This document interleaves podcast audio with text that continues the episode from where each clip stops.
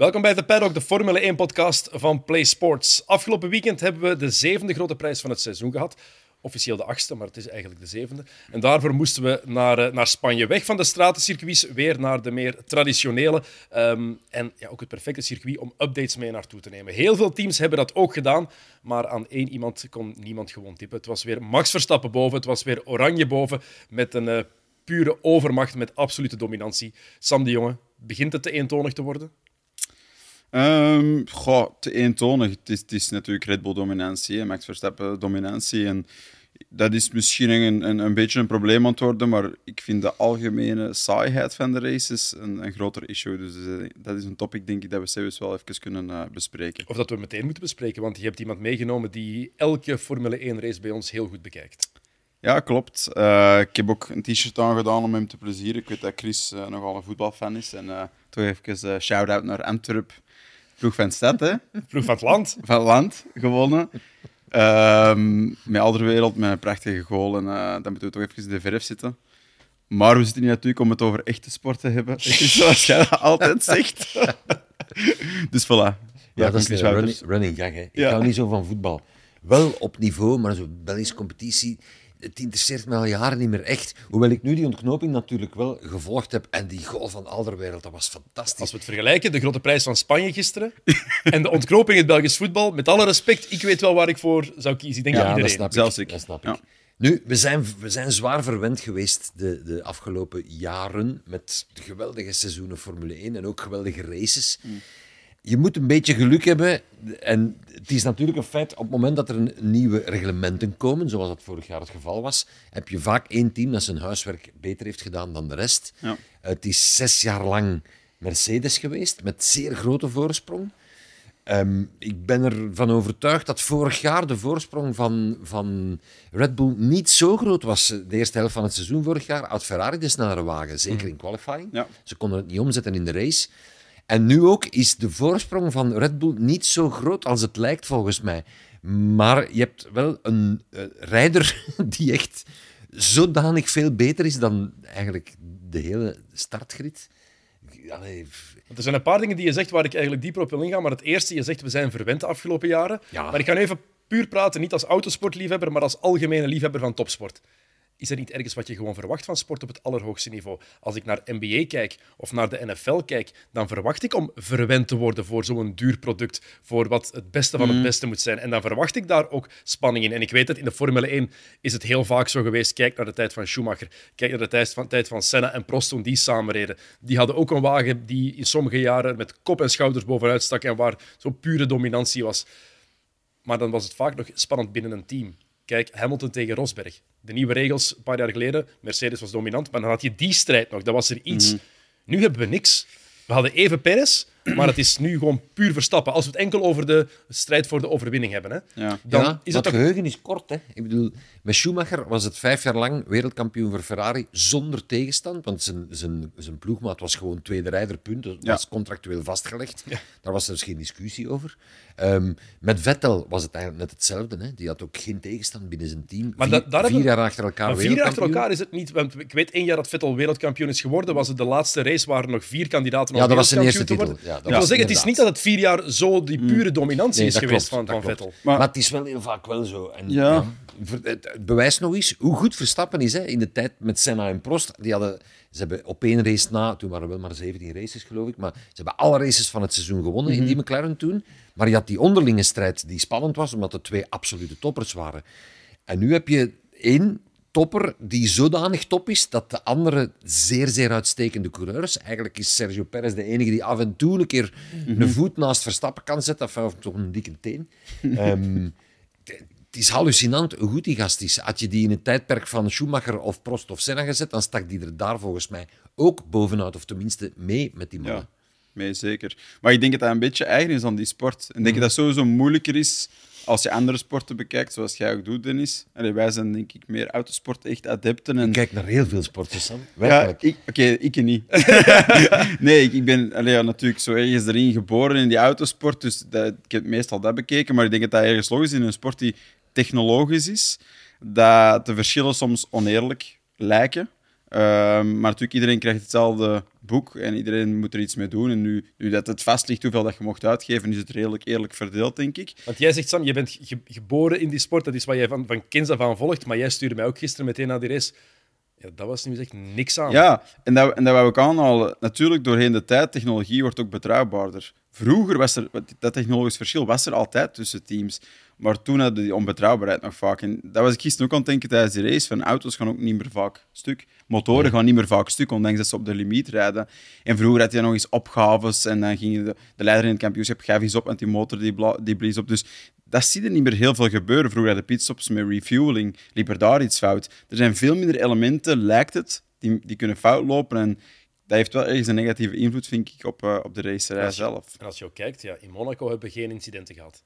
In Miami hebben we geen incidenten gehad. Nee, nogthans, in Monaco heeft het geregend. Hè? Ja, maar, daarom, dat ik, daarom, dat ik, het net aanhaal. Dat verwacht je dan, want dan, dan kan er één auto zo dominant zijn. Mm. Maar dan heb je dat aspect om het toch nog wat spannend te maken. Heb je dat, dat, die ene factor nog. En voorlopig hebben we dat ook nog niet gekregen. Want nee, dat denk is, waar. is dat ook niet wat je bedoelt ergens, Sam? Met van, ja, het is, het is ongelooflijk saai voorlopig dit seizoen. Het gaat niet alleen over dit weekend. Is dat ook niet een, een factor die meespeelt? Dat er gewoon ja, zo weinig gebeurt. Niet dat we incidenten willen, maar nee. dat er daardoor minder dingen kunnen gebeuren. Er minder variabelen. ja, absoluut. Die variabelen, dat er iets kan fout lopen, die zijn er precies gewoon minder dan vroeger. Auto's zijn ook sterk. Hè? Ik bedoel, auto's raken elkaar. Ze zijn dikker, groter, breder. Ze raken elkaar en er gebeurt iets. Vroeger, je raakte een andere wagen. Dat waren allemaal van die mini-vleugeltjes. Dat brak af. Downforce viel vooraan weg. Pats, je moest binnenkomen voor een nieuwe vleugel. Tegenwoordig is dat toch niet meer echt het geval. Je mocht een helft van je vleugel precies verliezen en kunt alsnog verder. Dus... Norris, Norris heeft het probleem gehad dit weekend. Die, werd, die, raakte Hamilton aan en die moest wel meteen, meteen binnenkomen. Maar ja.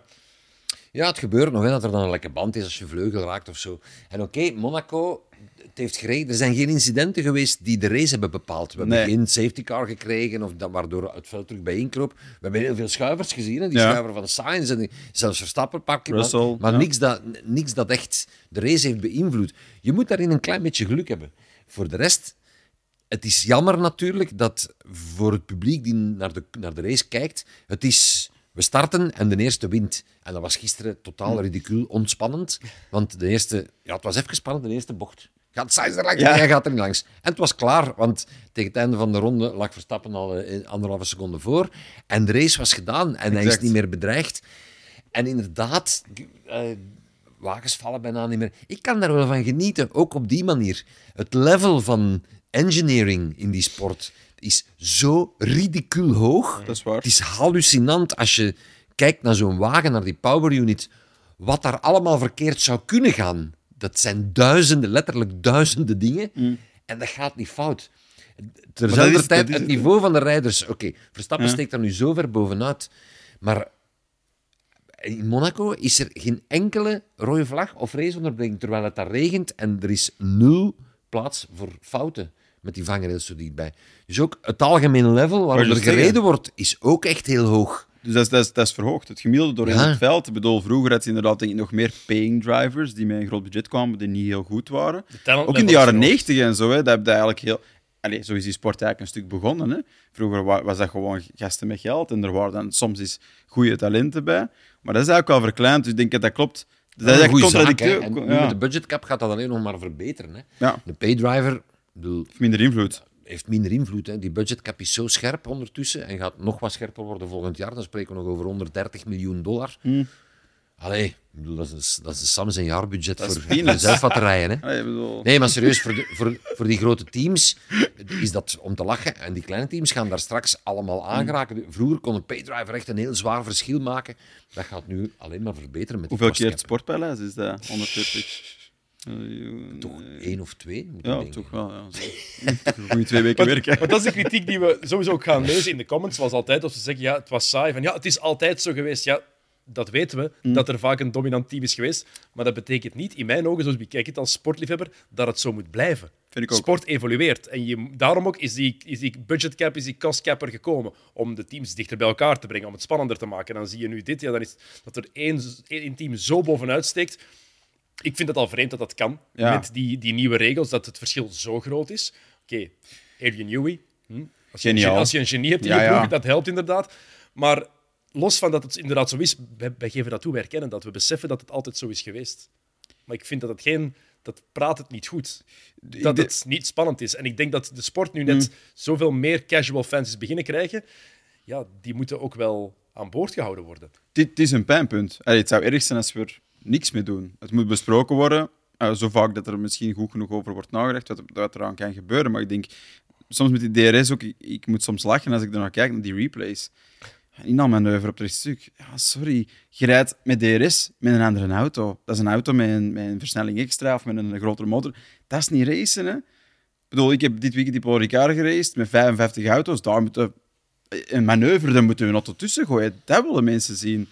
We hebben het gisteren in de uitzending nog gezegd. Ik weet niet of de uitzending heb bekeken achteraf, maar volgens mij gaan ze, hadden ze niet ja, ze konden het ook niet voorzien met turn 13 nu, bocht 13, die veel sneller is, en dus 14 ook ik denk dat ze volgend jaar die DRS-zone een pak gaan inkorten, want het was echt hm.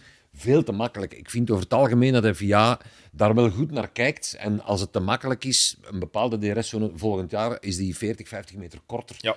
En ze moeten eigenlijk die, die DRS-zone zo maken dat het voor een piloot mogelijk wordt om ernaast, om, te, komen. Om ernaast te komen aan de bocht. En dan krijgen we spektakel. Dat proberen ze wel goed op te volgen, vind ik. Ja, soms is het... Je kan moeilijk kunstgrepen, zoals Sam zegt, is een technische sport. Als één team zijn huiswerk beter doet... Zeg, dat is nu jaren Mercedes geweest. Nu is dat wat anders. Die hebben daar nog eens die, die super, super piloot bij. Ze hebben al DRS binnengehaald. Ze hebben de wagens technisch zodanig veranderd dat ze elkaar wat beter kunnen volgen. We hebben daar vorig jaar dat is gelukt, in, in, een aantal races echt veel meer spektakel doorgezien. Ja. Um, Tja, in de tijd sprak Bernie Ecclestone van kunstmatig circuit nat te spuiten. Dat vind ik alleen een stap te ver. Maar zo al die ingrepen van reversed grids en, en BOP's en, en, of balance of performance met, met gewichtspenalties en zo, dat is niks voor Formule 1, vind ik. Dan ga je het DNA van die sport kapot maken. als we kijken naar wat er gisteren gebeurd is, George Russell, die van plek 12 naar plaats 3 rijdt redelijk indrukwekkend. Uh, Sergio mm Perez, die van de elfde plek nog naar de vierde plek ook naar, vo naar voren raakt. Wat hebben we nog gezien? Um, Stroll die het beter doet dan Alonso. Er zijn wel wat wrinkles geweest die het interessant mhm. hadden kunnen maken. En toch blijf ik met hetzelfde gevoel als jij, als jij over Sam, van ik blijf op mijn honger zitten. En misschien kijk je dat te veel als een sportliefhebber die inderdaad spektakel wil zien en geen, geen pandoeringen wil in geen enkele sport. Het had veel met die DRS-zone te maken, denk ik. Hè? Want eh, Russell, ik denk dat hij is naar P3 gereden. op één na, denk ik, waren al zijn inhaalmanoeuvres gewoon met DRS op het rechte stuk. En ik herhaal dat die DRS-zone was veel te lang. Anders hadden we misschien een race gezien met iets meer spektakel. Mm. Maar het heeft ook met circuit te maken. De teams kennen die circuit, dat circuit zeker zodanig goed. Al die wagens zijn al, die, die staan al in perfecte afstelling eigenlijk voor de eerste training begint. Ja. De, race, de rijders zelf kennen dat circuit zo goed. Heeft het ook te maken met hoe het in beeld wordt gebracht? Want snelheid in beeld brengen is iets heel moeilijk. Daar, daar hebben andere sporten veel minder last van. Wat in Spa bijvoorbeeld fantastisch lukt. Ja, daar lukt het goed, inderdaad. daar, in sommige bochten, dat die jongen, als je daar kijkt, hoe die camera daar geplaatst is, daar, daar voel je de snelheid. Echt. ik denk dat de helmet cam werkt, dat dat, dat dat een goed beeld geeft van de vibratie in de auto. En dat is allemaal niet zo stabiel als het lijkt misschien. Dus dat vind ik goed, maar ik denk als ze nog verder moeten gaan en nog veel meer moeten denken, maar als je gewoon die, die rijden, die auto's, en denkt dat gaat toch niet heel snel. Als je erin zit, dan de meeste mensen zouden flauw vallen. Ja. Ehm, ik denk dat dat eigenlijk een, een relatief klein probleem is. Nu zijn we aan het zoeken naar dingen. Hoe kunnen we het er spannender laten uitzien voor de mensen? Kijk naar de laatste race twee jaar geleden. Uh, laatste, allee, de laatste ronde en twee rijders met evenveel punten. Ja, dat is waar. Dat moeten we hebben. Maar het moet over, ik wil zeggen, het moet overkomen. En ik vind wel ergens met die nieuwe wagens dat, omdat die groter en, en breder zijn, dat, dat de bewegingen die erin gebeuren, de correcties van de piloot nog minder zichtbaar zijn.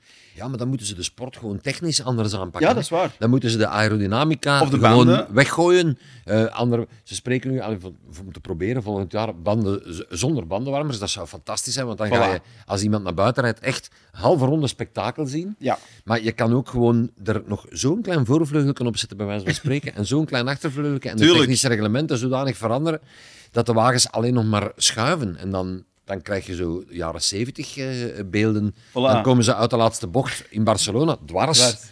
Maar nu, die wagens zijn aerodynamisch zo efficiënt... Dat er ook weinig drama te zien is. Hè. Kijk, het, het kwalirondje van Verstappen. Ja, perfectie, hè? Maar ben je het ermee eens? Die moest bijna niet vechten tegen die auto, hè? Ja, ik ben het mee eens met wat je zegt. Van, dat zou ook weer dan niet kloppen, want het is toch een technologische sport en de bedoeling is ook om, om beter te worden. En die lijn of die leercurve van aerodynamica is, is, is zot stijl geweest hè, de afgelopen 20, 30 jaar. Dus dat is super impressive. Dat is ook voor de rest van de wereld goed, want het wordt voor veel dingen gebruikt die we allemaal niet weten, misschien toepassingen. Dus daar ben ik het ook mee eens. Je, moet niet, je kunt ook inderdaad simpele auto's maken. Hè. Ik bedoel, koopt eh 30 eh, Formule 3's en, en, en ga zo racen. Dat is niet de je wat ik bedoeling, maar... jammer vind? Nu, een gast like Verstappen, ik zie die graag rijden. Omdat je ziet dat hij die wagen op de absolute limiet zet. Mhm. Die wagen danst zo'n beetje, wat Senna vroeger ook had. Je, je ziet de snelheid van die wagen gewoon... Tussen als net die- plakken en niet meer plakken. Ja, zelfs op het rechtstuk bijna. Je, je ziet die gast zo graag rijden. Mm. En in de perfecte Red Bull van vandaag is het minder leuk om Verstappen te zien rijden, omdat er, er beweegt nauwelijks nog iets. Voilà. Dus dat vind ik een klein beetje jammer. Ja, what you gonna do? Ja, want wat als, we teruggaan in de, als we teruggaan in de geschiedenis, wat zijn zo de meest dominante seizoenen die we gehad hebben, waar, eh, een rijder er zo bovenuit steekt zoals Verstappen nu aan het doen is? Want ik denk automatisch terug, recente geschiedenis, ehm, Vettel 2013, zijn laatste wereldtitel die hij gewonnen heeft, was dominant. ehm Brown GP, die heeft dat... Jensen Button, ik wilde zeggen, Maar dat is eerste deel. tot aan de Brown, dat zomerstop, was- hè? Tot aan de zomerstop, hè? Ja. Daarna was het ook... Maar dat was met de dubbele diffuser. Hè. De- de- was andere- puur technisch. an- andere teams hadden dat dan gekopieerd. Dan werd het wat spannender. De races Ja. zelf, maar de titel was al binnen. Hè. Ja. Dat was eigenlijk de meest dominant, maar die reed niet met dezelfde wagen. Eigenlijk. Nee. Die, dat, nee. Dat was een loophole apart. in het reglement. Eh, Fantastisch dat ze dat gevonden hadden. Honda net op het foute moment verkocht ook. Hè. Auto helemaal ontwikkeld. Brown GP heeft er een euro voor betaald, denk ik. Ja. En, en dan, ja, wij willen het niet meer hebben, want pff, hè, dat kost allemaal veel. Koopt jij hem voor een euro? Dat is goed. Kampioen worden. Dat is echt- echt het meest pijnlijke hoofdstuk, denk ik, uit hun geschiedenis. Maar je hebt dan Schumacher, 2002 denk je dat zijn meest dominante jaar van, van die vijf op, op een rij was. Eh Mansell heeft ook zo'n zo'n dominant jaar gehad, dus er zijn wel wat, wat, wat, wat seizoenen geweest. Hamilton ook, hè. is ook eens, ik denk, vijf races voor tentkampioen 2020 geworden, denk je dat hij zo- Ja. begin van, eh, ja, nee, ja, 2020. 2020 denk je dat zijn meest dominante jaar was. Eigenlijk gewoon toen hij... eh, Dat was toen ook, hè, jaren aan een stuk. Oké, Maar toen had de Mercedes wint. En, en je weet, oké, soms wint Rosberg al eens, maar over het hele seizoen wint Hamilton. Rosberg heeft zich daar één seizoen kunnen overzetten, was daardoor zodanig mentaal uitgeput dat hij gelijk de handdoek heeft gegooid. Want in 2014, het eerste jaar van de, de vorige regelgeving, het eerste jaar waarin Mercedes is beginnen winnen, toen was het echt tot de laatste, tot de laatste grote prijs dat het tussen Rosberg en Hamilton super spannend was. Rosberg heeft toen een heel groot deel aan de leiding gestaan. Dus daar hadden we die strijd nog. En dat is misschien daarom dat, dat, dat ik ook zeg, ik blijf op mijn honger zitten. Als Perez nu die laatste twee grote prijzen niet in de fout was gegaan en die was blijven kunnen meedoen, dan had ik hier misschien met een ander gevoel gezeten als we die hadden zien strijden op het, eh, op het circuit. Plus, en dat brengt ons misschien naadloos tot, tot het onderwerp Mercedes. Toen, in die tijd van Rosberg-Hamilton of Hamilton-dominantie, hadden we wel altijd Verstappen. Hè. Die was al, toen al aan het rijden. Hè. Ja, die Dus reed- toen hadden wij iemand om naar te kijken die... Die reed daar in een tragere auto, Voilà. die, die reed wel iedereen voorbij. En dat was, Dat was spannend, spectaculair om te zien. Hè? Nu mis ik dat een beetje. En ik Ook hij was nu... toen nog gek. Allee, eh, niet gek, maar hij dook toen in elk gat dat er Ja, was. inderdaad. Nu denkt hij al al eens was er na. geen. Maar toen, toen, toen dacht hij nog niet echt na. Dat was natuurlijk fijn om te kijken. Hè. Oké, Dus, Mercedes, ja, dat wilde ik eigenlijk zeggen. ja. Dat kan ons misschien wel terug wat meer spanning brengen. Want wat we dit weekend hebben gezien van Hamilton en van Russell trouwens, Dat was bemoedigend. dat is bemoedigend. hoe snel het kan keren. Begin dit weekend, ik denk zaterdag in de uitzending zelfs, Chris, dat we het daarover hadden. Van, ja, ze voelen zich nog altijd... Hamilton is eigenlijk niet tevreden met de updates. Hij voelt zich niet, nog altijd niet comfortabel in die wagen. 24 uur later staat Ja. hij als tweede op het podium. Dat was in free practice nog. Hè. Ik, Ja. ik, ik heb ook in de uitzending gezegd, het is niet onlogisch dat als je een boel updates meebrengt, dat je de tijd nodig hebt om de afstelling van die wagen voor elkaar te krijgen Tuurlijk. richting jouw rijstijl. Ja. Het was ook duidelijk dat voor Hamilton sneller klikte dan voor, dan voor Russell, die toch meer aan het, aan, het, aan het vechten was met die wagen eerst. Mhm. En, en ja, nu zitten ze met een wagen die, die veel beter is. Ehm, het zal nog moeten blijken hoeveel beter in vergelijking met de Red Bull natuurlijk. Hè. Verstappen is wel. Ja, ze hebben uiteindelijk technisch gezien een stuk de filosofie van Red Bull geadopteerd. Met die sidepods en de koeling. En Ferrari ook, hè? Ferrari ook. Hè. Ik bedoel, dat is geen probleem, dat is logisch. Eh, als je ziet dat dat beter is, je zou dom zijn om het niet te volgen. En ze hebben nu in Monaco de vloer van die Red Bull gezien, dus wie weet wat er over een paar maand. eh Die tijd hebben ze nodig om... implementeren. Maar natuurlijk, het basisidee en de tub, allee, de, de, de monokok en, en alles rond, dat, dat blijft natuurlijk. Dat kunnen ze niet aanpassen. Dus daarin twijfel ik een klein beetje van... Ik denk niet dat ze op de performance van een Red Bull kunnen geraken. Ook niet als ze het verder ontwikkelen. Ze kunnen dichter komen, maar die Red Bull is vanuit de basis gewoon juist. Uh, en dat, dat, verandert niks bij Mercedes. Je kunt alle sidepods gaan aanpassen en ophangingen. Maar op zich is die Monaco en dat, dat is hetzelfde gebleven. Hè, ja. Maar zijn ze nu al wel veel dichter bij Aston Martin gekomen? Of is het moeilijk om dat al in te kunnen schatten na één grote prijs, na zo'n grote prijs als die van Spanje? Het is moeilijk om in te schatten, maar de, ehm, als we naar die van Spanje kijken, zijn ze er voorbij zelfs. Hè. Mm. Aston Martin kwam niet in de buurt. Zeker in de race. Het straffen was waar tevoren Mercedes altijd grote problemen kende met de banden om die binnen het juiste temperatuurvenster te krijgen kregen ze nu die banden niet meer uit dat temperatuurvenster precies. Die hebben zo lang gereden op die softband in de eerste, in de eerste stint. Russell begon zelfs over de radio te vragen, kunnen we niet ene stop proberen? Dus die wagen is plots zeer vriendelijk voor de banden. En dat is natuurlijk een, een, een troef voor een wagen. Aston Martin had die troef ook, of heeft hij waarschijnlijk nog altijd, dat hij niet snel banden opvreet. Als Mercedes nu, met hoeveel sneller ze geworden zijn door die, door die updates, dat er gratis bij krijgt als, als troef voor de wagen, dat is iets dat je het hele seizoen mee kan pakken. Hè? Want die, dat gaat niet plots veranderen. Die wagen gaat vriendelijk blijven voor die band. Ja. Vind dat... Ik denk dat dat klopt. Allee, ik denk dat Mercedes, als je kijkt naar de gemiddelde prestatie van Mercedes ook vorig jaar, die waren eigenlijk heel goed. Hè? Voor, de, voor de trage auto die ze gebouwd mm. hadden. Mm. Dat zegt inderdaad veel over hoe dat die, die auto met de banden omgaat. Nu hebben ze tijd gevonden. Ze hebben, ze hebben snelheid gevonden. En inderdaad, als dat voordeel blijft van banden goed te behouden, dat lijkt nu te zijn, dan, dan maakt u wel een grote stap. Maar dat heeft, dat heeft Ferrari bijvoorbeeld niet. Dat hebben ze niet. Ze hebben het in quali, ze, ze, ze waren met die band snel op. Ze waren denk ik een tiende rapper in quali, maar ze, ze kunnen dat niet goed houden. Die band die warmt snel op en die blijft opwarmen. En dat is de, het hele nadeel van die Ferrari. Dat is al heel het jaar zo. Ja, die ganse package klopt nog niet helemaal. Ik heb de indruk dat Ferrari met relatief weinig vleugel rijdt, met weinig drag rijdt. En dat ze dan Uiteraard op een zachte band met super grip en een lichte wagen in een één quali-rondje kunnen die een fantastische tijd zetten. Maar in de race natuurlijk, als je met minder drag rijdt, de snelle bochten, die wagen begint wat meer te schuiven, banden gaan wat sneller slijten. Mm. Ik heb de indruk dat dat nog niet helemaal klikt, zo, de, dat ze de, de sweet spot van die wagen gewoon nog niet gevonden hebben. Ja. En dan hebben ze bij Mercedes natuurlijk wel het voordeel dat ze ja, die know-how hebben van die kampioenenjaren en dat daar ook een bepaalde ja, standvastige cultuur ook gewoon, gewoon heerst, wat bij Ferrari gewoon niet het geval is. Ja, ik vond het wel mooi om te zien dat ook vorig seizoen eigenlijk, hè, ondanks een draak van een wagen, is er toch altijd een zekere rust geweest bij Mercedes. Vind ik ook. Uh, ook dit seizoen moest dan een veel betere wagen zijn. Met die, met die, allez, ze houden dan vast aan hun systeem met die sidepods of geen sidepods. En aan het begin van het seizoen is het nog niet goed genoeg. En dan blijven ze eigenlijk heel rustig. En oké, we gaan waarschijnlijk ons systeem veranderen, maar niet te snel en niet te wild. We gaan eerst zien dat we in de windtunnel de cijfers hebben die we willen, voor we het op de track gaan implementeren. Ik, ik, ik vind het bewonderenswaardig hoe rustig die daarbij blijven. Blijft een kampioenenteam, hè? Ja? Dat merkte wel intern, dat vind ik ook. Ik bedoel, ze doen, ze doen alles juist. Het enige wat ze niet heel juist hebben gedaan, is die auto. Ja, dat was vorig jaar al. Ja, dat is wel belangrijkste, belangrijkste misschien, maar ik vind ook hoe ze het opvangen. Plus, als rijdersduo schat ik, dat, schat ik hen nog altijd heel hoog in. Ja, Ik bedoel, Hamilton-Russell is misschien wel het beste rijdersduo dat er is op dit moment. En zou het ook niet helpen dat je gewoon de wetenschap hebt? Ja, we hebben acht wereldtitels op rij gewonnen als constructeurs. Oké, dat het even minder is, dat past niet bij ons statuut, bij ons status. Druk is minder hoog. Maar iets minder druk. Vooral, het is ook niet dat ze bij, Ja, anders. Het is ook niet dat ze zo ver zijn teruggevallen dat ze niet meer in de punten rijden. Hè?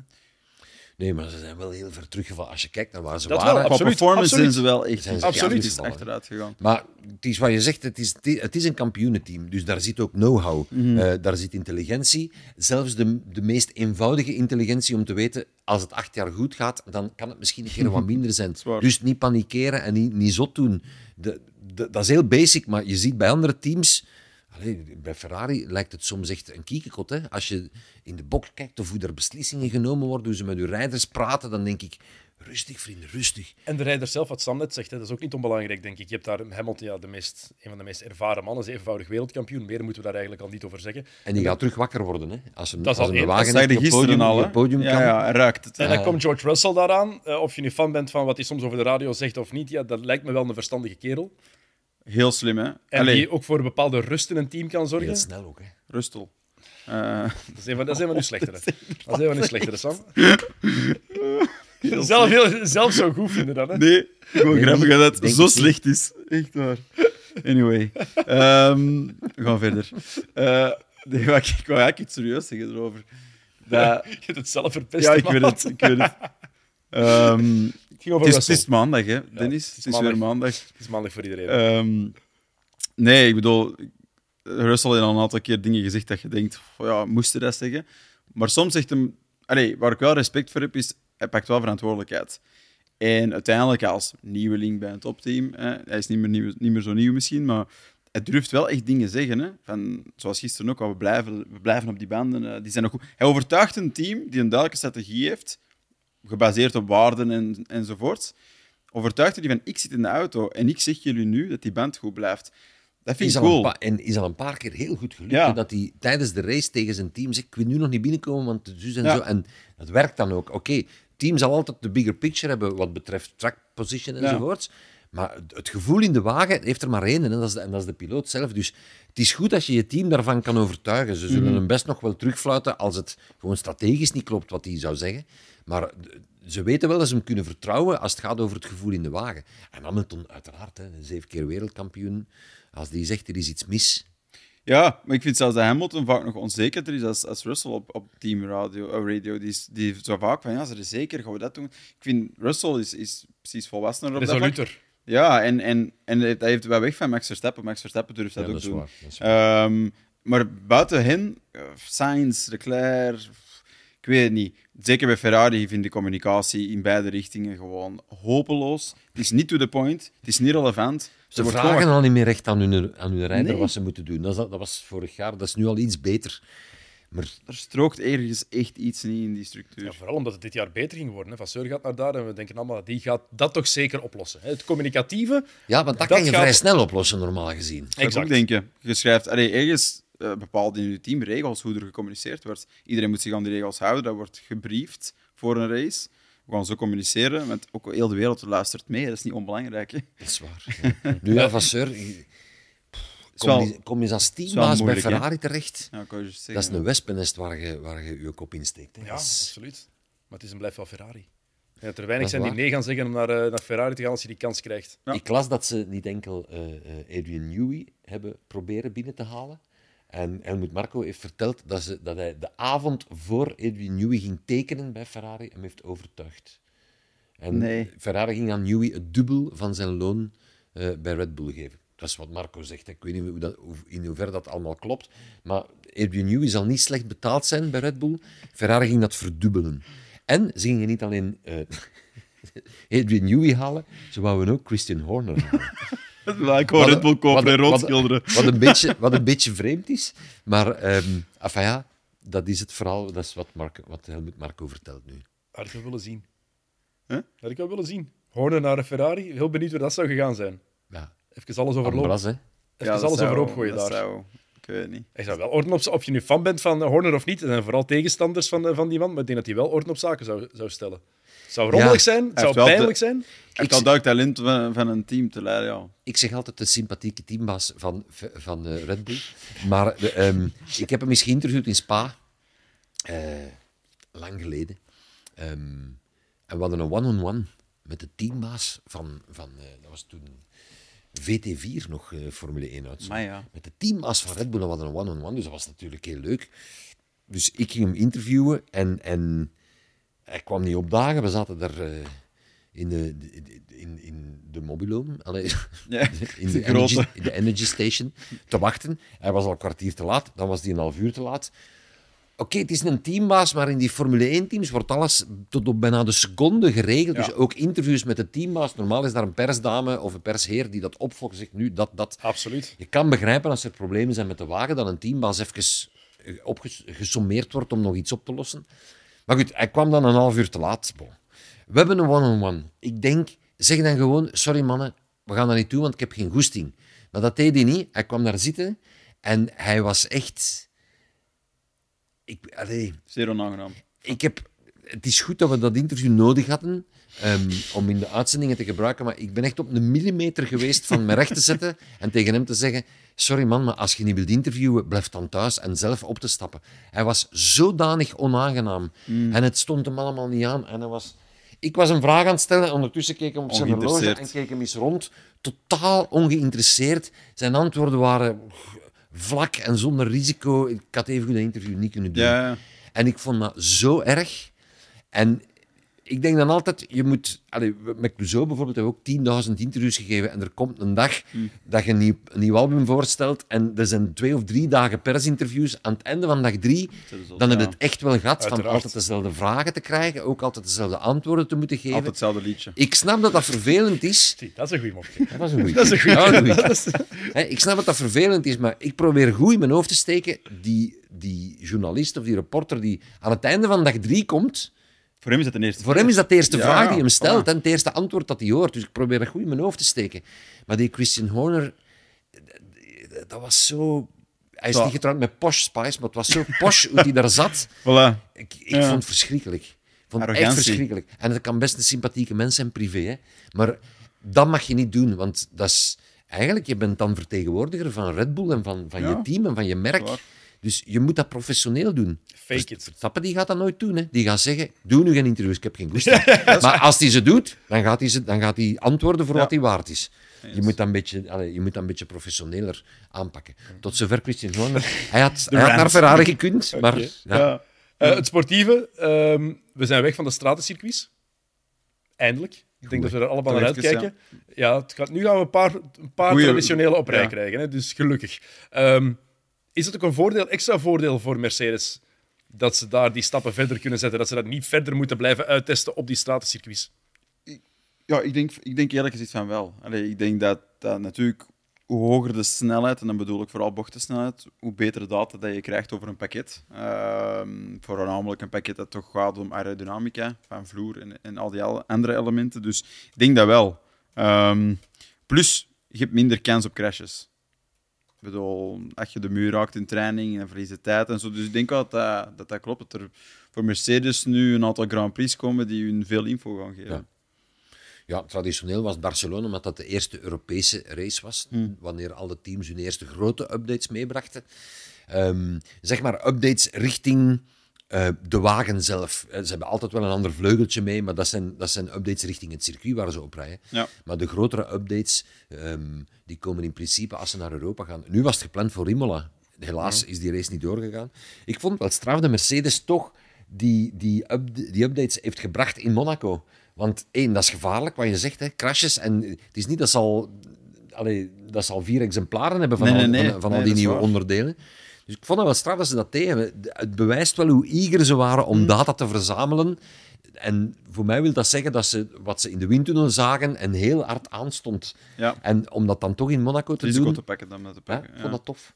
Oké, het sportieve dan, daar hebben we het nog niet echt over gehad. Eh, zondag was niks aan. Dat was redelijk saai, hebben we al duidelijk gemaakt, denk ik. Korter De de zaterdag.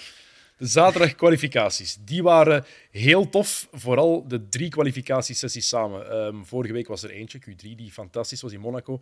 Nu alle drie. Hebben we daar een verklaring Ja. voor? Met dank een beetje aan een nog half opdrogende piste op een paar punten. Hm. Dat was wel in Q1 toch een, Ja. een dingetje. Dat helpt. Als je een, een slordige 1000 pk op een slik achterwiel moet op het asfalt zetten en de piste ligt in een hairpin zoals bocht 10, nog een klein beetje demp. De- We hebben allee, heel goede piloten er serieus mee zien worstelen. Ik vind het wel tof dat je dan, dat, dat je dan nog eens ziet dat het moeilijk is. Ja, absoluut. Ehm, en ja, wat vooral opvalt als we even eh, chronologisch bekijken, Q1, Q2, Q3, Q1, Charles Leclerc. Want we hebben het al over Ferrari gehad en hoe slecht de communicatie daar ook is en hoe moeilijk het jaar ook is. Een negentiende plaats, dat is wel abnormaal. Ja, vooral, het was weer niet helemaal duidelijk wat het probleem was. Hij gaf in zijn eerste run al aan dat hij problemen had met de achterbanden, maar Ja. ja, ik weet niet. Het is, het is alweer een voorbeeld dat er bij Ferrari slecht gecommuniceerd wordt, eh, of fout gecommuniceerd wordt. En ja, in die zin krijgen wij het ook niet echt altijd te horen. Hè, maar ehm, ik vind zijn seizoen gaat echt van, van kwaad tot erger. Hè. Ja, nu in de race was zijn laatste stint was wel een pak beter. Ook qua rondetijden. Dus ik mag hopen dat ze het bij Ferrari hebben gevonden. Ze hebben hem ook uit de pitlane laten starten, omdat ze aan de achterkant van de wagen nog van alles hebben veranderd. Ja. Geen idee wat precies. Eh, dat hebben ze ook niet gecommuniceerd. Maar ik hoop dat ze het dan gevonden hebben. Zijn laatste stint was wel goed. Maar dan, de eerste helft van de race was ook niet echt op tempo. Je zou denken, als er veranderingen zijn gebeurd en het is beter, dat je dat dan meteen ziet. Maar Ja. vooral, zeg maar. Nee, ik denk dat er twee dingen nogal hard meespelen dit seizoen, waarom dat kwalificaties soms werken. En omdat eigenlijk, allee, dat is weer het, het, het bandengegeven. Hè. Eh, sommige wagens warmen die banden heel snel op. McLaren bijvoorbeeld krijgt die voorband heel snel werken. En gisteren, of liever zaterdag, in die quali, de temperaturen waren dan wel lager na die regen enzovoort. En dan, dan zie je Lando Norris die op die derde plek kwalificeert. Maar dan weet je eigenlijk dat in de race krijgt, kan McLaren die band nooit cool genoeg houden. En dan valt hij terug in tempo. Dus ik denk dat, dat er daar heel veel teams mee struggelen. Dat, dat, dat er heel veel afhangt van die band. Ehm, en die goed te kunnen houden. En ik denk gisteren in Barcelona was dat absoluut het hoofdonderwerp. En hetgeen het verschil maakte tussen teams. Ja, maar natuurlijk er was ook een groot verschil bij Ferrari dan tussen, niet tussen de teams, maar tussen de twee rijders. Gewoon Sainz die zich als tweede kwalificeert. Mm. Ehm, Leclerc die voorlaatste eindigt. En wat mij dan het meest zorgwekkende lijkt voor dat team, is dat Leclerc zegt, ja, tijdens de uh, oefensessie een paar uur geleden was alles eigenlijk nog oké. Toen voelde ik me nog goed in die wagen, maar ineens is het veranderd. Ja, dat kan soms van kleine dingen afhangen. Hè? Ook waarom Science wel werkt en niet. Het kan van, van een kleine afstelling, verandering afhangen of die band juist op de temperatuur zit waar die moet zitten of niet. Ja, ik denk dat, dat zei je er straks ook van, dat, dat er bij Ferrari zo dat lijkt dat ze niet echt weten waar de window is. Dat ze er soms inkomen en dat ze dan goed presteren, maar dat ze er even snel terug kunnen uitvallen. En ik denk dat, dat de comment van Leclerc dat dat bewijst. Van, ze weten zelf gewoon niet echt waar ze moeten zijn. Dus dat is als piloot ook heel moeilijk. Uh, komt het een training, je denkt het gaat goed, temperatuur verandert, je rijdt terug. De afstelling is hetzelfde en het lukt niet meer. Dat is natuurlijk ook wel heel lastig. Hè. Uiteindelijk, je zit in een sport op de limiet tegen hoge snelheid. Je moet je echt wel goed voelen om te kunnen presteren. Zeker. En wat je ook merkt is dat, dat Sainz, die blijft gemotiveerd. Je hoort dat ook in zijn communicatie, die wil vechten. Mij lijkt het, zo komt het over, alsof Leclerc gewoon gelaten is. Zijn ja, radioboodschappen zijn ook zo... Hij, het lijkt alsof hij, hij zich er wat bij neerlegt van ja, ja, man, het is allemaal zo. Gaat toch niet lukken? Ja, zo komt het over. Hè. Misschien vergis ik mij, maar zo lijkt het wel. Nee, zo, dat lijkt inderdaad zo. En dat is niet de eerste keer ook. Nee. Uh, nu, hij werd natuurlijk na vorig seizoen ook, in de aanloop van dit seizoen, hij wordt neergezet als de uitdager voor Max Verstappen. Ja. En, en ja, er komt dan niks van in huis. Ik snap wel dat hij zelf een beetje misschien voor zichzelf die verwachting ook heeft gecreëerd. En, en het is nog een jonge gast, hè, vergis u niet. En die moet mm. echt nog winnen aan maturiteit. Op, op, zeker ook op dat vlak. Mm. Hij, hij moet uh, nog leren voor zichzelf om altijd even gemotiveerd te blijven. Hij kan soms bloedsnel zijn, dan maakt hij een dom foutje. En daarna gooit hij bij wijze van spreken alles weg, omdat hij kwaad is op zichzelf door dat dom mm. foutje te maken. En dat moet allemaal nog een klein beetje vlakker worden, vind ik, qua emotie en, en, en gedrag. Ja, allee, hij is absoluut niet te vergelijken met, met Schumacher in de tijd bij Ferrari, die, die altijd die motivatie had. Hè. Ook als het slecht ging om, om te gaan werken naar iets dat beter is, te snappen dat dat enkel werkt als je constructief bent, als je mm. positief bent en als je ergens moet accepteren dat de situatie zo is. Die auto is niet goed genoeg om je kampioenschap mee te winnen die teleurstelling die is heel vroeg in het seizoen gekomen. Hij heeft dat vorig jaar ook al meegemaakt en het jaar ervoor ook al een klein beetje. Dus, en bij Sainz natuurlijk, die heeft nooit gedacht, denk ik, initieel van dat hem kampioen kon worden. Dus voor mhm. hem is er minder teleurstelling. Die... En ook vorig seizoen had Sainz de eerste helft van het seizoen alleen maar problemen, omdat die Ferrari niet aansloot bij zijn rijstijl. En die heeft echt zichzelf moeten anders leren rijden om snel te gaan met die Ferrari. Wat hij dan wel deed aan het einde van het mhm. seizoen. En nu heeft hij sneller de wagen, denk ik, onder de knie. Dus die voelt zich goed, die, dat, is, dat is duidelijk. Nu, Barcelona was ook gewoon een heel moeilijke piste qua asfalt hè, voor, voor een band. Vrij abrasief asfalt, dus die band gaat vrij snel degraderen of te warm worden of een beetje grainen. Of, hmm. het, is, het is delicater dan op andere pistes uh, in Barcelona, lijkt me. Hmm. Jammer, jammer voor, uh, voor Ferrari natuurlijk en voor Leclerc zelf dat het uh, zo, zo snel duidelijk is dat het zijn jaar niet wordt. Q2 dan, een paar interessante dingen. Um, en daar, we hebben het net al positief over Mercedes gehad, maar George Russell die kwam daar tot totaal niet uit te verven. Gigantisch contrast met die long run van zondag. Hm. Vooral omdat Hamilton het wel goed deed eigenlijk op zaterdag. Ja, ik, ik, ik heb het al gezegd, ik kwijt dat aan de afstelling van de wagen samen met al die upgrades. Ja. En, en Kennistekort nog. Ja, je moet daarin vallen en je moet als rijder dat allemaal verwerken en, en het kan misschien een klein beetje anders zijn op het punt van insturen, corner in, of het kan op het punt van op het gas gaan, misschien door de downforce van de vloer die veranderd is, een klein beetje anders voelen.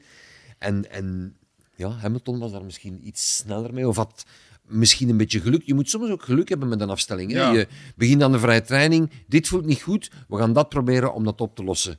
En het wordt slechter.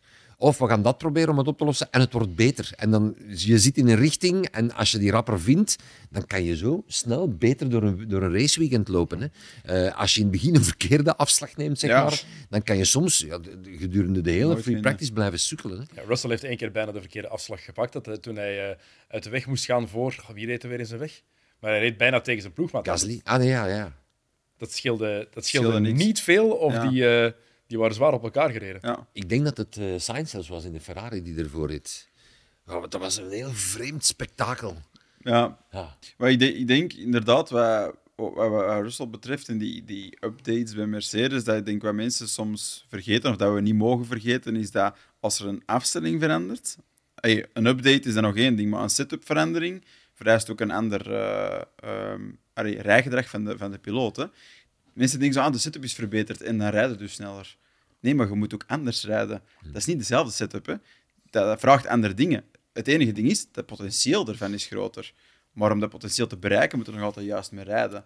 Dat wordt denk ik niet vaak genoeg gezegd eigenlijk. En dat wat, wat, Chris zegt klopt. En van ofwel vallen er sneller in, omdat dat misschien wat meer automatisch aansluit bij je rijstijl, of niet. En als dat niet het geval is, hebben de rondes nodig om dat te leren kennen en om daar weer de limieten van gaan vinden. Dus, en Russell zit daar natuurlijk met een teamgenoot die zo getalenteerd is dat, dat het snel opvalt als je er niet snel Ja, ja, zeker, zeker. Het is, inderdaad- het is minder zwart-wit dan... Ja. Dit is een goede wagen, dus je kan daar snel mee rijden. Er zit nog altijd een manneken in die het voor elkaar moet krijgen. Hè. En eh, Hm. zeker qua afstelling zijn er bij dat soort wagens zoveel honderden richtingen die je Ja. kan uitgaan. Dat is eh, daar weer, ja, Barcelona. En bij uitstek, het is niet vreemd eigenlijk dat bij Mercedes een beetje wrong en bij Ferrari voor sommigen. Want zij zijn de twee teams die echt met redelijk grote updates kwamen. Ja, ja, Want ik zeg, het, die rijders die kennen Barcelona heel goed. Die teams hebben zoveel data over Barcelona.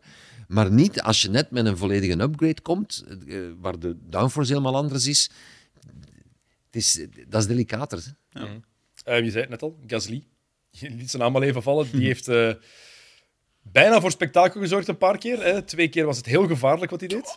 Als die zich tussen die beide Ferraris gooide, dat was echt dat had een, dat had een goede crash kunnen zijn. Oh. Ja, eh, is daar ook bij, mee voor bestraft. Twee Ja. keer drie plaatsen achteruit. Maar dat Stevig, is, hè? Ja, maar dat, die beslissing had al lang genomen moeten worden na Q1. Hè. Hij maakt die twee fouten in de eerste kwalificatiesessie. Ja, hij heeft dan een hele goede zaterdag, want eindigt als op drie na snelste, pakt de vierde tijd. Ja. En dan wordt hij teruggezet naar plaats 10.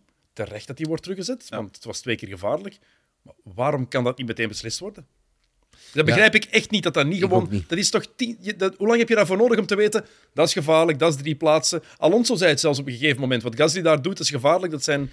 Ja, het rare is, ik bedoel, in de hiërarchie van, van koersdirectie en alles wat er rondloopt, zijn de stewards daar toch om die zaken te behandelen. Het is toch niet dat die allemaal ik- andere ik- dingen moeten doen eerst. ik, ik, ik snap het niet. Die, die race stewards die zitten daar daarvoor. Voilà. Ehm, ze zijn met z'n vieren. En, en wat dat betreft sluit ik, mij, de kaarten. sluit ik mij aan bij Günther Steiner, die nu een reprimande heeft gehad van een FIA, omdat, Ja. hij, eh, de- omdat, hij, omdat hij de Boat beledigd heeft, zeg maar. Ehm, maar ik sluit me volledig aan bij hem. Het is groot geklaagd dat er nog geen vier professionals zitten die betaald worden om exact. het hele seizoen dezelfde job te doen. In alle andere sporten eh, heb je een, een scheidsrechtersteam die professioneel zijn opgeleid, die weten wat de consequentie van een bepaalde overtreding is. Die, zou, die het zou- zouden moeten weten. Zouden we moeten weten. Ja. Nu, het is een beetje verbeterd in de Formule 1 wat de rechtlijnigheid van de straffen betreft. Dat is wel een beetje verbeterd. Maar Maar nog, er, er zitten, elke race zitten er vier andere stewards. Oké, de race steward, de, de, de ex-piloten, die, die doen er wel een paar eh, elk seizoen. Maar ja, ik- Continuïteit en consistentie krijgen is op die manier toch Ja, want, als die, want als die die straf gewoon meteen krijgt, dan haalt hij waarschijnlijk Q2 zelfs niet. Of, dan, of Q3. Maar ik hij gaat, waar die in Q1 is geëindigd. Ik denk Goeie dat hij vraag, Q2 wel had gehaald, maar misschien Q3 niet. ja, maar, dat, maar dat verandert is- iemand anders wel de Dan kans. voilà, ook nog iemand anders een koers. Exact. Ja, absoluut. En dat, is, dat zien we altijd met die vijf seconden en die straffen die pa- pas na de race worden gegeven. Van, ja, je hebt de straf ervoor gekregen. Ja, maar het feit dat hij er nog altijd rondrijdt, Ja, exact. bepaalt wel iemand anders zijn koers. Hè. Bedoel, Maar in de race is dat moeilijker, hè, Sam. Je- Allee, vroeger was het, eh, eender welke fout was drive-through en dan riepen we allemaal, dat is een veel te zware straf voor wat hij 20 gedaan heeft. of- Dus ja. ik vind die vijf seconden penalty echt goed. Maar daarmee bepaal je inderdaad soms ook iemand anders een race. Als je, daar, als je voor iemand zit en die verliest daardoor veel tijd. Ja. Ehm, ja kijk. Dat is het Deel van het spel. Ja, dat is deel van het spel, maar eh, ik blijf het vreemd vinden. Stel je voor dat iemand het, een tackle doet in het voetbal, twee voeten vooruit, Hmm. en eh, de ref zegt, we gaan dat beoordelen na de match. En Of dan dan, een krijg rode je kaart. rode En dan kaart. krijg je rode Ja, kaart. nee, dat is waar. Dat is, Dat eigenlijk... Ja, dat is waar. Of aan de rust, dan krijg je rode kaart voor de, voor de tweede helft. Ja, dat makes no sense. Nou, we hebben het ook direct in commentaar eh, aangeklaagd. Van, allee, moet dat nu in godsnaam pas na de kwali, na de kwalie gebeuren? I- Maar iedereen denkt Dat is ook duidelijk, hè? Maar dat is, ook, het- dat is ook het hele ding net. Als heel de autosportwereld, liefhebbers... Waarom kunnen dat niet veranderen? Ja, iedereen is het daarover eens. Waarom kan je dat dan niet veranderen? Vind ik zo raar. En nog één negatiever ding, voor ik naar de positieve zaak wil gaan van de kwalificaties. Sergio Perez. Ja, Tweede week op rij dat hij in de fout gaat. ja mag twee keer een En- fout zelfs. Een te grote fout. Voor iemand met die wagen, met zijn verwachtingen, met zijn doel, is dat zeker deze week ook een te grote fout, toch? Ja, en ik denk dat vanaf zijn uitspraken er zijn gekomen van ik, ga, eh, ik ben eh, even rap eh, als Max Verstappen, of ik kan toch in ieder geval echt voor het kampioenschap vechten, is het echt wel... poa, poa, poa. is het echt omlaag gegaan. Hè? Ik bedoel, hij heeft niet enkel Max Verstappen gefueld om het, om het nog beter te doen, en dat is ook gelukt, dat is hij aan het doen. Maar hij heeft zichzelf onder zo'n druk gezet en het heeft een negatieve impact. Hè? Ik bedoel, hij maakt gigantisch veel fouten, hè, de laatste races. Ja, na Monaco riep die... Ja, oké, het kan gebeuren dat je een fout maakt. Ik wilde te veel, ik was de auto kwijt. Oké. Mm. Maar dus het enige wat ik nu nodig heb, is een clean weekend, zei hij voor de race eh, in, in Barcelona. En dan doe je dat in qualifying. Het heeft geregend en dan ga je niet, niet een paar centimeter van een wiel, maar meer dan een half wiel op de natte curbstone zetten. Ehm, Met de Ja. beste auto. ja, Dat is weer dat. Ik bedoel, dat is zoals in Monaco. Is dat nodig om die risico's te pakken met de beste auto? Met de beste auto zullen je toch een klein beetje marge kunnen Maar pakt hij, overhouden. daar, pakt hij daar zo'n groot risico? In Monaco was het overduidelijk. Hoe was het in Spanje Met de kennis ogen? van dat die curve zijn- net is wel. in zijn hoofd was dat niet echt een risico. Je wil de baan als rijder zo, zo breed Ja, mogelijk maken. Want je wil zo veel mogelijk rechtdoor rijden. Dus Ja. als het droog is, maar zelfs als het droog is in die bocht, zet je daar in principe geen, geen wiel op de curbstone. Maar ja, hij wil zo graag tonen dat hij even snel is als Max Verstappen. Hij wil zo graag tonen dat hij meer Rosberg is dan Bottas. Ja, Om het in. Mercedes Ja, zo en te dan, zeggen. en dan, en Maar dan, hij is, hij is niet zo snel dan ligt de focus ook fout. Ja? Dan ga je het om Max Verstappen weten. Dan ga je het niet over de beste zijn, tout court. Maar ja, om de beste te zijn, races maar om de beste te zijn, moet je Max Verstappen verslaan. Ja, maar je moet niet kijken naar wat Max Verstappen aan het doen is. Hij moet Je gewoon de beste Sergio zien. Perez zijn, Voilà, dat is het ding. Dat werkt in sport Alles eruit persen voor zichzelf moet hij Ja. doen. En, en de keren dat hij dat doet, dan, dan kan hij Max Verstappen al eens verslaan als hij geen probleempjes heeft gehad of zelf geen fouten gemaakt. Plus, maar nu is zijn focus van, ik Ja. moet zo goed zijn als hem. Hij heeft dat ook letterlijk gezegd. Hè. Ik ben de eerste rijder bij Red Bull die naast Verstappen eh, staat. Eh, en dat was toen hij twee races had gewonnen en Max ook twee races. Maar ja, hoe is dat gekomen? Eh, dat, is ook het eh, type voorbeeld van te vroege conclusies trekken.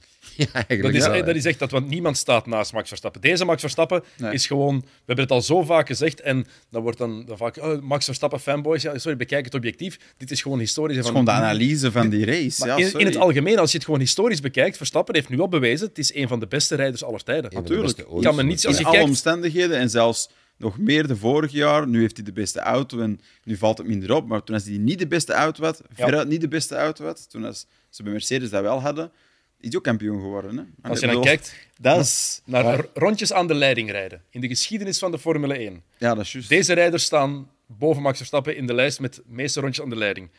Lewis Hamilton, Michael Schumacher, Sebastian Vettel, Ayrton Senna, Alain Prost. Ja. Dat is het. Ja, dus Dat is de lijst, Dat is het lijstje van de grootste. hè. Dat Ja. is de lijst. Daarachter komt Max Verstappen al. Maar het is een grote. Hè. Ik snap dat mensen eh, kunnen tegen Max Verstappen zijn, omdat mensen gewoon heel graag gepolariseerd reageren op alles. Ja. Maar als je zegt, Max Verstappen die kent er niks van, het is alleen maar omdat hij een Dat goede auto gewoon- heeft, dan zijn ze gewoon stom. Feitelijk niet waar. Dat, is, Ja. eh, want dat is gewoon dom om dat te zeggen, want dat klopt niet. Eh, je- er zijn ook feiten, zoals Sam zegt. Hè. Ehm, en het straffen is, hij heeft, hij heeft veel van die races gewonnen in, in een wagen waar het niet voor de hand lag dat Nee. hij ermee won. Ehm, Schumacher, zoals we allemaal weten, heeft fantastisch, was een fantastische piloot. Heeft Ja, ook ja. onwaarschijnlijke races gereden. Niet in het minst in Spanje, in de regen in 96 of Ja. wat was het. Ehm, dan zette hij de rest op 2, 3 seconden per ronde in de regen. Was onwaarschijnlijk goede piloot. Maar heeft wel van zijn zeven wereldtitels er vermoedelijk twee gehaald met een illegale wagen. en, eh, eh, de, en de vijf anderen zonder tegenstand binnen zijn eigen team. En ook niet op de rest van de grid. Reed met Bridgestones die speciaal voor Ferrari ontwikkeld werden. Door Ferrari, vaak door Schumacher zelf, op het testcircuit of Fiorano. Dus allee, er waren andere tijden, laat het ons zo zeggen. um, Hamilton heeft ook veel van zijn titels behaald in een wagen die absoluut oppermachtig was. Mm. En wie weet gaan we over vier seizoenen van Verstappen hetzelfde zeggen, dat hij een paar titels heeft gehaald in een wagen die absoluut oppermachtig was. Maar tot nog toe is, dat niet, is het niet het geval geweest. Hij heeft niet zijn titels gehaald in een absoluut oppermachtige wagen. Dus het ligt aan het manneke zelf. Um, ja, ik vind het heerlijk om naar te kijken. We, we, maken geschiedenis mee, we moeten dat ons goed realiseren. Het is daar nog een gast die dezelfde taal spreekt als wij. Um, die al zijn leven in België heeft gewoond. Oké, hij rijdt onder de Nederlandse vlag. Het is ook wel een Nederlander, maar heeft, hij, is, hij, is, in België geboren, is in België grootgebracht en heeft altijd hier gewoond en heeft leren karten in Gent. In Genk, excuseer. Dus, in Gent en dat is nu een van de beste piloten aller tijden. Het is de beste op dit moment en het is een van de beste piloten aller tijden we moeten dat gewoon koesteren en daar heel blij mee zijn dat we dat mogen naar kijken, vind ik. Het, enige wat we, waar ik op hoop is om het gewoon te zien in een strijd met iemand anders. Dat, is, dat, dat is wat, wat, wat, maakt, wat maakt al die grote zo, hmm. zo mythisch. Wat maakt Senna zo mythisch? De strijd die we hebben, hem hebben zien, zien, zien leveren. Um, wat zorgt ervoor dat sommigen te veel kritiek of misschien vinden sommigen dat terecht kritiek hebben op Schumacher, op Hamilton, omdat ze hmm. vinden dat er te weinig strijd is geweest net voor die rijders. Niemand trekt hun, hun dominantie en hun, ja, hun kwaliteiten in twijfel. Hè? Niemand, hè? Het gaat niet om gewoon een rondentijd zitten en dan zouden we inderdaad geen race nodig hebben, zouden we enkel kwalificaties kunnen doen. Het gaat inderdaad om die strijd. En ik bedoel, dan kom ik het beste naar boven in die piloten. Hè. Dat is bij Hamilton absoluut het geval, bij Verstappen ook. Ik denk, Verstappen kan dat natuurlijk niet openlijk toegeven, maar ik denk niet dat hij heel hard geniet van dit moment, of toch niet even hard dan van de strijd die er eventueel zou kunnen zijn of die er geweest is met Hamilton in het verleden, dat is ook een racer. Hè? Dat is, een racer. En je hoort het, uh, we zijn het hier voor de uitzending van. Je hoort gewoon aan zijn radioboodschappen ergens de verveeldheid erin van. Ja, great team, great work. Hij moet dat natuurlijk zeggen en dat hij is blij om te winnen, maar... Altijd al lachen, hè? Haha. Ja, om, het dan, om dan nog een klein beetje enthousiasme te laten horen. Hè? Een klein beetje enthousiasme, maar, eigenlijk... Ik, ik, vroeg me dat dit weekend af. Is het er niet echt, hè? Vind, zou die dat nog tof vinden? Zo, zo Als dat op, deze, op deze manier winnen. Stopt hij, 100% zeker. Ja, dat geloof ik ook. Wat ik mooi vind aan Verstappen is, dat is geen faker. Is het nooit geweest. Zoekt ook zelden excuses. Zegt in interviews meestal wat hij denkt. Mm. Oké, Red Bull gaat er een klein beetje proberen de, scherpe kantjes eraf te veilen. Maar nog steeds, als hij kwaad is, dan zegt hij uh, tegen wie had hem in de weg gereden? Was George Russell? Uh, dan zegt hij dikheid gewoon waar iedereen bij staat, waar er een camera op staat. Dat is Max Verstappen. Die kan niet faken. Dus ook na de race, het is moeilijk om echt groot enthousiasme te faken als het gewoon te gemakkelijk was voor hem. Ja. Ik, ik, vind dat, ik vind dat mooi om te zien. Dus... Het, is, het is uitzonderlijk dat het kan. Hè. Ik bedoel, dat je kunt winnen met zo'n voorsprong en dan zo. Ja, maar, eigenlijk, eigenlijk. Laat ons hopen dat Mercedes snel nog een paar stappen zet ja. en dat we nog fijne races gaan zien. Hè. Um, het zal niet elke keer zo makkelijk zijn voor Max Verstappen. Maar um, het is een uitzonderlijke piloot. Uh, hij is mm. uitzonderlijk getalenteerd. Hij kan op heel veel verschillende circuits uitstekend uit de voeten. Hij heeft nu ook qualifying helemaal onder de knie, wat toch een paar jaar geduurd heeft. Het is ook mm. een aparte oefening. Ja. Um, ja, ik sluit niet uit dat hem er nog heel veel gaat winnen dit seizoen. Ja, en, en, ik denk om het misschien het Sergio Perez uh, verhaal af te sluiten, ik denk dat hij ergens zijn focus ligt eigenlijk om, om zoals Max Verstappen te zijn. Dat is ultra snel op een rondje. En wat was, wat was eigenlijk het sterke punt van Sergio Perez? Bandenmanagement. Mm daar, daar was die echt het controleren. het controleren. Daar heeft hij podium mee gehaald met Sauber, met, mm, met Force India, uh, met Racing Point. Daarom hebben ze die bij Red Bull overwogen. En eigenlijk, eh, dat is een beetje waar hij niet meer te veel op let. Hij is bezig met, ik moet ook in quali dan eerste kunnen zijn. Nee, eigenlijk niet. Eigenlijk moet dat niet per se. Ik bedoel, wordt tweede, je hebt een beste auto in de race kun je misschien Max Verstappen het moeilijk maken met je bandenmanagement. Dat is het belangrijkste punt geworden in de Formule 1, of in de hedendaagse Formule 1. Dus. Oké, een paar positieve dingen van afgelopen weekend. Nog, uh, we hebben de beste radioboodschap van het jaar gekregen. Die van Lando Norris, en dat hij te horen kreeg dat hij derde was geworden. Ik denk niet dat dat overtroffen gaat worden. Zo'n oprechte verbazing en toffe reactie. Ik moest wat denken aan, uh, aan eh, Kevin Magnussen, die de pole reed in Brazilië ja. twee jaar terug. Ja. Dat was een soortgelijke verrassing van, nee, je bent aan het zeveren. dat was mooi, hè? En ook, het was ook verrassend, hè? Ja, eigenlijk wel. Eigenlijk wel. Ja. En ook daar denk ik niet dat, dat ze heel, heel goed wisten hoe het kwam dat die, dat die wagen zo snel was. Het was zonder twijfel een goed rondje van Norris, ehm, die dat wel kan. Hè, een, Ja, ja. Een, een, een scherp kwalificatierondje rijden. Maar, maar ik vind het altijd erg om, om te zien als een team snel is of traag is en ze weten niet waarom. Ja, ik denk dat het een stuk ligt in, die, in heel die voorkant. Hè. Daar heeft eh McLaren vorig jaar moeite mee gehad, die, die opwarming van die remmen enzovoort. Het feit dat dat een probleem is, is dan in quali een voordeel. Zeker bij die temperaturen die er zaterdag waren. En die voorband raakt snel warm en dat geeft dan dat voordeel in quali. Dus ik denk dat, ze daar, dat het dat veel daarmee te maken heeft. Maar ik denk wel dat het klopt dat het daarom niet per se een stap vooruit is voor hun. Allee, ik denk inderdaad niet dat ze een pakket gewoon- hebben dat ze... Het is onduidelijk. Het is onduidelijk, ja. Ook zij, allee, bij veel teams eigenlijk, hè, in deze generatie van auto's. Ja. Ja, want als we kijken naar die zaterdag, eh, Norris was derde, eh, Piastri tiende in de kwalificatie. Ook niet slecht eigenlijk voor, eh voor Ik hou wel van Piastri. Ik, ook. ik, eh, ik denk, geef die jongen wat tijd. Goeie om- racer ook om- gewoon. Ja, die kwam echt met hoge Je zal maar kampioen geworden zijn. En kampioen en kampioen, drie jaar achter elkaar. Ehm, en, dan in Formule En dan 1 heel dat verhaal. Ah, ik wou net, het hele, het hele Alpine verhaal komt er ook nog eens bij. Hè? En dan tegen Alpine zeggen, eh, laat je. hè. Maar daardoor denk ik trouwens wel, als er zou gepraat worden, als stel je voor dat er geruchten gaan, de ronde gaan doen over Leclerc bij Ferrari. En het zou blijven minder goed gaan, om het zo te noemen. Piastri is niet iemand die bij een team gaat blijven dat niet presteert. Hè? Nee, Die zegt gewoon, eh, mijn contract ontbinden dat, ik, maar ik, ik betaal het, ik koop het wel uit. Dat, dat lijkt mij zo'n kerel die gewoon die, die wilt winnen. En die gaat er alles aan doen om bij een deftig team terecht te komen. Die gaat niet blijven wachten. Dat Ja, is- nu denk ik niet dat hij meteen dacht om te gaan winnen, hoor. Eh, eh, En dit bij- jaar niet, maar- Bij McLaren. Maar stel dat dat zo blijft, wilde zeggen. Exact. Ja. Als McLaren middelmatig, eh, minder als middelmatig blijft. Ja, ik, mocht ik van hem zijn, ik zou er zeker nog blijven hangen. Eh, Minstens dit seizoen en liefst nog het seizoen daarna.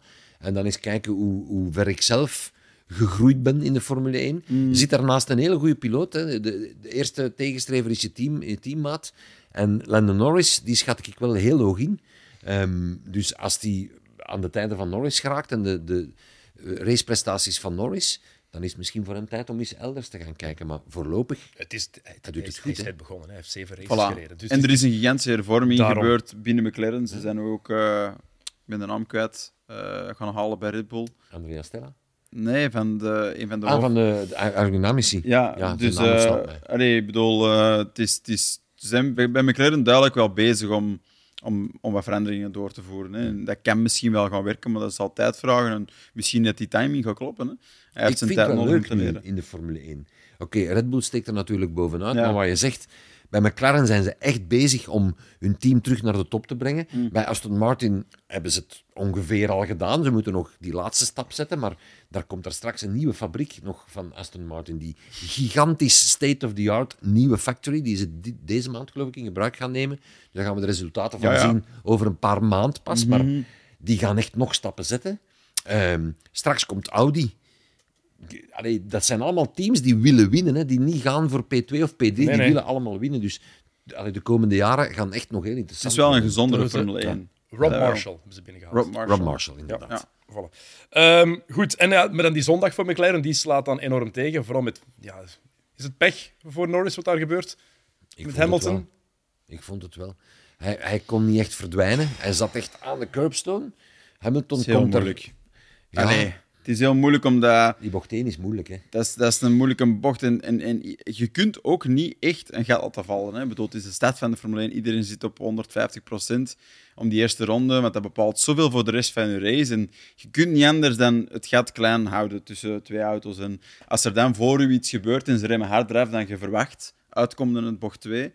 Ja, je weet dat niet. Hè. Ik bedoel, uiteindelijk het komt omdat Verstappen en Sainz half erdoor geraken. En dan het gevolg daarvan zie je dan erachter. Ehm, ik weet het niet. Het is, het is heel moeilijk om te zien, maar het is, voor hem was het wel echt shit. Hè? We Ja. hebben in de race ook gezien dat de mannen die daar aan de buitenkant probeerden in te halen, turn one, dat is echt een hele moeilijke, want die knijpt dan zo wat dicht om, Ja, ja. om die tweede bocht te nemen. En de man aan de binnenkant schuift makkelijk met een klein beetje onderstuur naar buiten. Dus je moet echt er goed voor zitten en dan gaat hij echt gaan inhouden. Maar als je er niet helemaal voor zit, en Norris... Ja, dat was met Hamilton. Hamilton heeft daar vrij geluk gehad dat hij geen lekke band had. Ja, Heb je trouwens wel goed gedaan, heel goed gedaan heeft in het begin. Ik ben er te negatief over geweest, of negatief over geweest, vaak terecht. Dus mogen we het ook positief zeggen. Lance Stroll. ja. Hoe die voorbij Hamilton gaat daar in het begin, in het begin van de race was, was heel mooi gedaan. En de rest van de race ook, hè? Ja, voor zijn ploegmaat een hele, hele constante race. Net toen dat, nadat er in de, in de ook internationale pers meer en meer kritiek kwam van ja, hoe lang gaan ze mm. nog volhouden met Lance Stroll, dan doet hij dit. Ja, ik denk, ik denk dat wij, wij, wij zijn er ook altijd kritisch over, maar ik denk dat langs onze kant wel meer is om zijn houding soms en, en, en het levensloze ervan uh, dat ons stoort. Maar ik denk puur als, als piloot dat hij zeker goed is, zeker getalenteerd is. Hij heeft al het geld van de wereld, maar dat staat ergens wel een beetje los, vind ik, van uw basisingrediënt van talent hebben. Mm. En dat heeft hij. En ja, soms in een raceweekend, soms moeten de elementen juist vallen om u te kunnen laten zien. En ik denk dat dit seizoen voor hem nog niet goed is gelukt. En dat is nu wel gelukt. En dan zie je wel, oké, die, die, is niet veel trager of zo dan Alonso. Hè. Maar oké, het, moet goed, het moet goed vallen. Hè. De training moet goed gaan, de kwaliteit moet redelijk zijn. En dan durft hij toch wel, al heeft hij ook een lef, vind ik, in, in inhaalpogingen uh, en zo, om iets te laten zien. Dat vind ik wel. Het is niet simpel ook niet om naast Alonso te zitten nee, in een team. Kijk naar Zelfs al ben je de zoon, de zoon, van de baas. Ja. Maar inderdaad, kijk naar Stoffel. Dat zijn geen cadeaus. Hè. Dat is een beetje, hè, we zijn het net voor, voor we de podcast begonnen, begonnen op te nemen. De, het stoeltje naast Max Verstappen Uiteraard wil je als piloot in een Red Bull rijden, maar, maar je wil ook niet naast Max Verstappen rijden, want dat is de meest vervloekte seat van, de, van het hele veld. Hè. Zo'n zitje waar al in gepist is. Maar ja, toch en de seat naast Alonso is ook een beetje wat dat betreft vervloekt, want het is zo moeilijk om, om, die, om die man te kloppen. En... Ja, klopt. Ja. Hm. Het was wel niet zijn weekend. Er werd uh, gepraat al heel de week lang, twee, twee weken aan een stuk in Spanje, over overwinning 33. Ja. ja nummer 33, hij, hij, zat in box 33. Alles was in teken daarvan trouwens. 32 overwinningen, dat is niet niks. Maar voor, voor een grote als Alonso, dat is eigenlijk tussen aanhalingstekens... Zijn carrièrepad als je zijn carrièrepad bekijkt, is het wel ergens... Het is logisch, maar voor zijn talent ja, ja. is het te weinig. Ja. je moet een beetje geluk hebben. Hè? Tuurlijk Twee wereldtitels is ook veel te weinig voor zijn talent.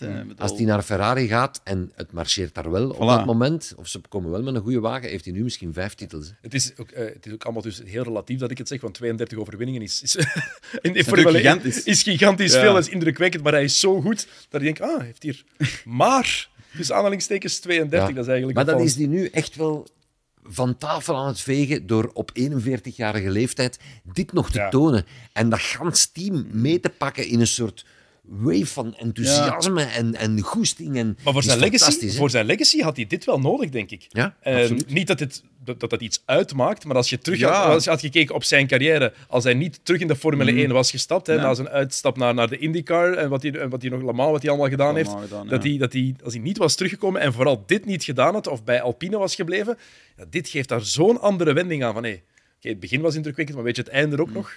Maar is, dat niet, is dat niet net waarom hij ook zo gelukkig rondloopt? Zeker. Die weet gewoon van... Die, die liep volgens mij toch altijd rond met... Godverdomme, ik heb niet kunnen laten zien wat ik eigenlijk allemaal in huis had. Veel is frustratie. Is dan ook andere dingen gaan doen om dat ook weer daar ergens te kunnen bewijzen van ik kan ook allemaal winnen. Ik kan ook de Indy 500 winnen, dat is niet gelukt.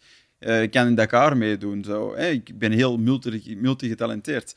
Om dan terug te komen en inderdaad en dat ergens van tafel te kunnen vegen, zo al die opmerkingen en het is toch nooit gelukt, ja, dan kun je gelukkig sterven. Hè? En ook... Ik denk dat die uitstapjes hem ook goed hebben gedaan. Hè? Ja, dat denk ik ook. Een keer 24 uur gaan rijden en, en, in een team met andere, mm. met andere mensen op dezelfde wagen. Dat was natuurlijk heel vreemd voor hem. Ja. En je voelt nu dat hij in communicatie en zo, oké, het is soms een beetje overdreven à la Alonso, maar hij heeft wel degelijk een beetje een andere mindset uh, uh, gepakt. En ook opvallend vind ik toch, um, Alonso was niet de meest geliefde rijder in de paddock niet, bij een heel deel van de supporters ook niet. Iedereen erkende zijn talent, maar had wat problemen een beetje met de persoon, Alonso. Nu zegt iedereen, Max Verstappen zegt dat ook, van ja, ik gun het hem eigenlijk wel dat hij er eentje wint. Ja, Elk team wil Alonso bijna zien winnen. Misschien Alpine net iets minder, maar voor de rest is iedereen... Het doet mij een beetje denken aan, aan, aan, Kobe Bryant. Die had... Heel zijn carrière was dat de man die dat op, als hij op verplaatsing ging spelen, werd hij gehaat door iedereen, uitgefloten. Iedereen had respect voor zijn kwaliteit, want ja, topbasketter, een van de beste die er was, maar maar in zijn laatste jaar, zijn afscheidstournee, werd hij ineens overal onthaald als ha. En was hij veel zachter. En Alonso heeft dat ook, die is ineens zacht geworden. Als hij straks een 33e zou winnen, oh. dan gaat iedereen voor hem op de banken staan. Hè? Iedereen. Hè? Ja, absoluut. Exact. Oké, goed. Uh, we moeten ongeveer afronden. Dus we geven snel naar de volgende grote prijs. Over twee weken, grote prijs van Canada. Ja, Mercedes... ook Quebec. Dat stond vroeger, uh, die chicane die op de start-finish street uitkomt, de Wall of Champions, Ja. zoals ze hem noemen. Daar hebben echt Champions. heel grote namen ingangen. En de kans dat er volgend weekend terug een paar grote namen inhangen, is groot. Of over twee weken. Over twee weken. Maar het blijft belachelijk dat het nu Canada is trouwens. We zijn een Europese luik Terugkomen. bezig en dan gaan we even naar Canada en terug naar Europa. Eh, De, de mensen die die kalender opmaakt, die moeten ontslagen worden. Ik vind dat we die misschien toch eens moeten vinden om uit te nodigen. Ja, inderdaad. In wat, uurtje waarom... erover hebben. Allee, hoe... Ja, is wat. Oké, we hebben het al genoeg over gehad. Oké. Ehm, Leuk circuit wel. ja, opnieuw dezelfde vraag. Met hoeveel seconden voorsprong gaat Verstappen eindigen? Ik, ik weet niet. Hij start wel enigszins als favoriet. Enigszins. Ehm, Het kan ook wel eens regen hebben daar. geen idee. In Canada heb je vaak toch wat wisselende omstandigheden. Hè? Ik weet niet, ik wil er geen voorspelling over doen. Maar ehm, hoe saai de afgelopen race ook mag geweest zijn, in Canada krijg je zelden of nooit een saaie race. Oké. Dat is dat waar. is, dat is Ja. een circuit dat zich daar niet toe leent. Dat is wel heel Eh, bemoedigend. ja, ik ben blij ik met die woorden. Perfect om af te sluiten. Chris, dikke merci om af te komen. Met veel Sam, plezier. bedankt om er hier terug bij te zijn. Ja. Nu gewoon in het weekend ook nog eens erbij zijn. Allee. Maar ja, ik heb dingen te doen. Oh. Ja, je hebt zelf gereden, proficiat met uw Ja, ja, dank derde je. plaats. Wat staat er op uw t-shirt, Sam? Hij heeft zelfs nog niet bekeken, hij heeft gewoon die t-shirt. Antwerp, ploeg van het land. Ah, oké. Antwerpen, ploeg van het land. Hè. En proficiat aan de Antwerpen, inderdaad, met de titel. Inderdaad. Goed, over twee weken zijn we terug. Nieuwe aflevering van de Paddock. Zaterdag en zondag ook de omkadering natuurlijk van de grote prijs van Canada op PlaySports. Dus hopelijk zijn jullie er dan ook weer bij. Tot de volgende keer. Salut.